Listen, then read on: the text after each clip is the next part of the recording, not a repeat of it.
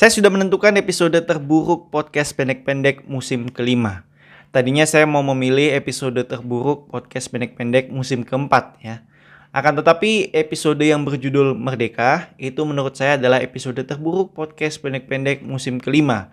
Karena itu episode proyek perjalanan waktu yang gagal ya. Nah penjelasan lebih rincinya bisa kalian dengarkan di episode sebelumnya. Nah menurut kalian apa episode terburuk podcast pendek-pendek musim kelima?